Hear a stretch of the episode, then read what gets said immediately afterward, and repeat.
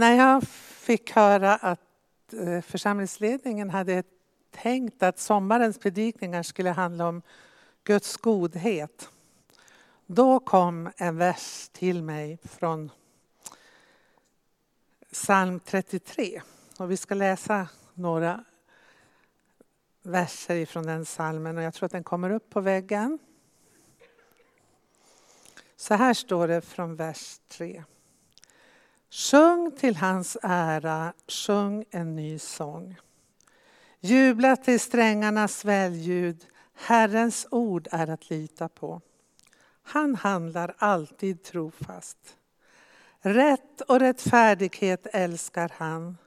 Herrens kärlek fyller hela jorden. Vi sätter vårt hopp till Herren. Han är vår hjälp och sköld. I honom har våra hjärtan sin glädje. Vi förtröstar på hans heliga namn. Herre, låt din nåd vila över oss, ty vi hoppas på dig. Herrens kärlek fyller hela jorden. Veckan efter midsommar så var min man och jag värdpar på Capella Ecumenica. Och denna sommar så hade vi också hjälp av en väninna till mig. För en viktig uppgift under veckan när man är värdpar det är det att man varje morgon klockan nio så ringer, det brukar min man göra, ringer man i kyrkklockan och så sen har vi morgonbön. Och sen varje kväll klockan sju så sker samma sak. Och varje morgon läste vi någon psalm ifrån Saltaren. Och en morgon så läste min väninna i den här versen, eller denna, den här salmen. Och den drabbade mig på ett nytt sätt. Så många gånger har jag läst den här versen. Herrens kärlek fyller hela jorden. Och jag har läst den som en tröst. Det är fantastiskt att tänka sig att Guds kärlek ständigt omger oss överallt oavsett var vi befinner oss och i vilken situation i livet vi befinner oss. Och att Guds kärlek uppfyller hela jorden. Eh, och det här stämmer ju också med vad författaren till psalm 139 skriver att du är förtrogen med allt vad jag gör. Du omger mig på alla sidor. Vi är helt i Guds hand. Du omsluter oss på alla sidor och håller oss i din hand. Och så ställer psalmens författare frågan, som är en retorisk fråga. Var skulle jag kunna komma undan din närhet? Och svaret i psalm 139, precis som i hela Bibeln, är att det finns ingen plats dit, dit inte Guds kärlek når. Med andra ord, Herrens närhet, Herrens kärlek fyller hela jorden, och vi tror hela universum, överallt. Naturligtvis när jag skulle predika över den här texten så tänkte jag, jag ska se vad det står i andra biblar. Vi, jag citerade nu Bibeln 2000. De första lärjungarna läste Septuaginta som var en bibelöversättning från hebreiska till grekiska. Och där står det så här, nu är den översatt till svenska. Av Herrens kärlek är jorden full. Det är ungefär samma sak. The message som vi har hört, det är en parafras eller en, en ny bibel som har kommit, en ny bibelöversättning. Tycker jag hade en sån jättefin översättning. Det står så här. Jorden genomsyras av Guds kärleksfulla glädje. Jorden genomsyras av Guds kärleksfulla glädje. Visst är det här vackert och trösterikt. Men den här morgonen på Capella så blev det plötsligt tydligt för mig att detta påstående kan inte bara upplevas som en tröst utan kan också uppfattas oerhört provocerande. För många människor på vår jord upplever kanske mer att jorden är full av ondska och våld och krig. Och även vi påminns ju om det. Inte minst de senaste åren. Jag vet inte, jag tyckte inte det var så när jag var ung, men idag är det så. Så fort vi sätter på radion, så fort vi slår upp en dagstidning eller läser på nätet, så läser vi om gängvåld, nya sprängningar, unga killar som mördas. Vi läser om våld och krig. Och det som framförallt jag drabbas hårt av när jag hör, det är att så många barn runt hela vår jord drabbas av övergrepp, våld eller sexuella övergrepp inte minst. Vi borde alla ställa oss upp och ropa till Gud. Herre, gör någonting. Grip in. Grip in.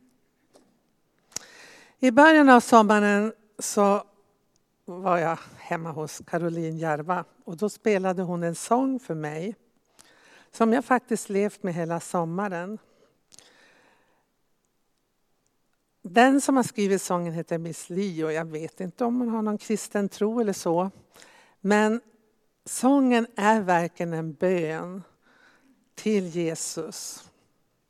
Att han, Jesus ska hälsa Gud. Och nu har Peter och Lena så fantastiskt tagit till den här sången och ska sjunga den för oss nu. Och texten kommer att komma upp på väggen för vi kan behöva det för det är mycket text, gå fort. Fantastiskt, inte en lätt sång att sjunga med så mycket ord. Men när jag fick höra den här sången och den här sången har följt med mig hela sommaren. Alltså, jag känner att det är en hel generations bön till Gud. Eller till, man vet inte riktigt vem man ska be till men Miss Li hon, hon vänder sig till Jesus i varje fall. Att Jesus ska be till Gud. Visst är det så att vi behöver lite mer hopp. Lite mer framtidstro. För många behöver Gud visa sig mycket tydligare. Många som kanske vill tro men ändå har svårt att tro och hälsa Gud att han måste göra lite mer innan det är för sent. Och det är kanske inte bara Gud som måste göra mer, utan även vi, vi människor. Och jag tror att det var det att jag hade hört den här sången som gjorde att när min väninna läste den här salmen på Capella så liksom insåg jag att det var som en provokation. provokation. Herrens kärlek fyller hela jorden. Jag tror att vi tänker att Guds kärlek ska visa sig, eller bevisa sig när vi upplever den fantastiska skapelsen och särskilt om det är sol och vackert väder som vi önskar här i Sverige. I lagom mängd förstås. Ja. Men också när vi upplever medgång, lycka eller omges av människor som älskar oss. Då kan vi uppleva att Herrens kärlek fyller hela jorden. Men tänk om det istället kan vara så att Guds kärlek ofta blir allra tydligast i lidandet. Kan det vara så? För några veckor sedan åkte min man och jag upp till Norrland för att hälsa på min släkt och vänner. Och på vägen hem så hälsade vi på även en av mina gamla vänner som kom till tro från ett helt... Ja, hon hade absolut ingen bakgrund hemifrån när det gällde den kristna tron, men hon kom till tro, kanske inte minst genom vårt kvinnofrukostarbete. Och det här var när jag arbetade som pastor i Korskyrkan i Umeå. Och jag fick möjlighet att följa henne. Och vi träffades varje vecka och hade bibelstudium. Och jag har väl aldrig fått så mycket frågor om alla bibelställen. För vartenda, eh, nästan varenda rad var det någonting som hon reagerade på. Men sen dess har hon haft en levande tro. Hon har verkligen varit den som har levt ut sin tro på olika sätt. Men för två och ett halvt år sedan så blev hon oväntat änka. Från det att hon och hennes man fick beskedet att hennes man hade magsäckscancer och till dess att han sen dog tog det en månad. En månad som de fick tillsammans. Det som var fint i det här bland annat var det att min vän, trots mot alla odds, för att det var ju coronatider, så fick hon hela tiden stanna hos sin man. Både på sjukhuset och sen på hospice de sista veckorna. Nu när vi var där i sommar, när jag hälsade på henne, så berättade jag, var så uppfylld av det här, den här versen då i psalm 33 och att jag skulle predika över det. Och hur ska jag få ihop det här att det är både en vers som ger tröst och som lite provocerar? Och då kom hennes spontana svar. Lidandet. Det är det som ger svaret. Och vi fortsätter vårt samtal om hur Gud har visat sin kärlek till oss genom att han sände sin son Jesus Kristus som led och dog för oss, uppstod och som lever med oss mitt i våra lidanden nu. I veckan så ringde jag henne och frågade om det var okej okay att jag berättade det här för er. Och hon sa att det var det. Och så sa hon så här. Som är helt otroligt och det här är ett direkt citat. Jag har aldrig upplevt Guds kärlek så tydligt som under den sista tiden med Lars.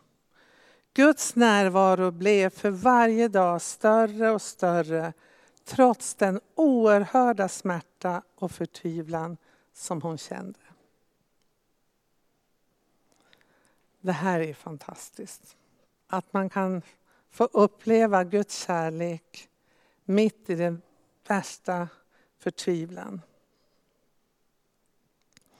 Och vi fortsatte prata lite mer om det, det här att den Gud vi tror på är kärlekens Gud. Men Gud är också en Gud som lider med oss. Ja, min vän ville säga, Gud är lidandets Gud.